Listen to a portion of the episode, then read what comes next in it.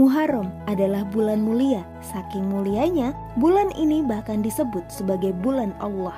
Bagi umat Muslim, bulan ini dapat dijadikan jalan untuk mendulang pahala. Setiap amal ibadah dan kebaikan yang dilakukan di bulan Muharram akan dilipat gandakan ganjarannya. Amalan yang bisa dilakukan di bulan Muharram salah satunya adalah puasa.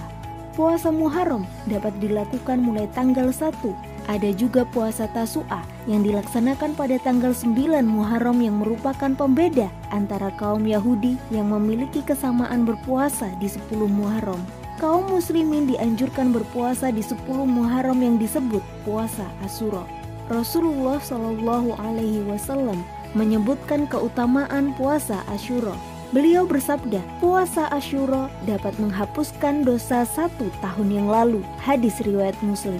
Masya Allah, puasa ini jangan sampai terlewat ya.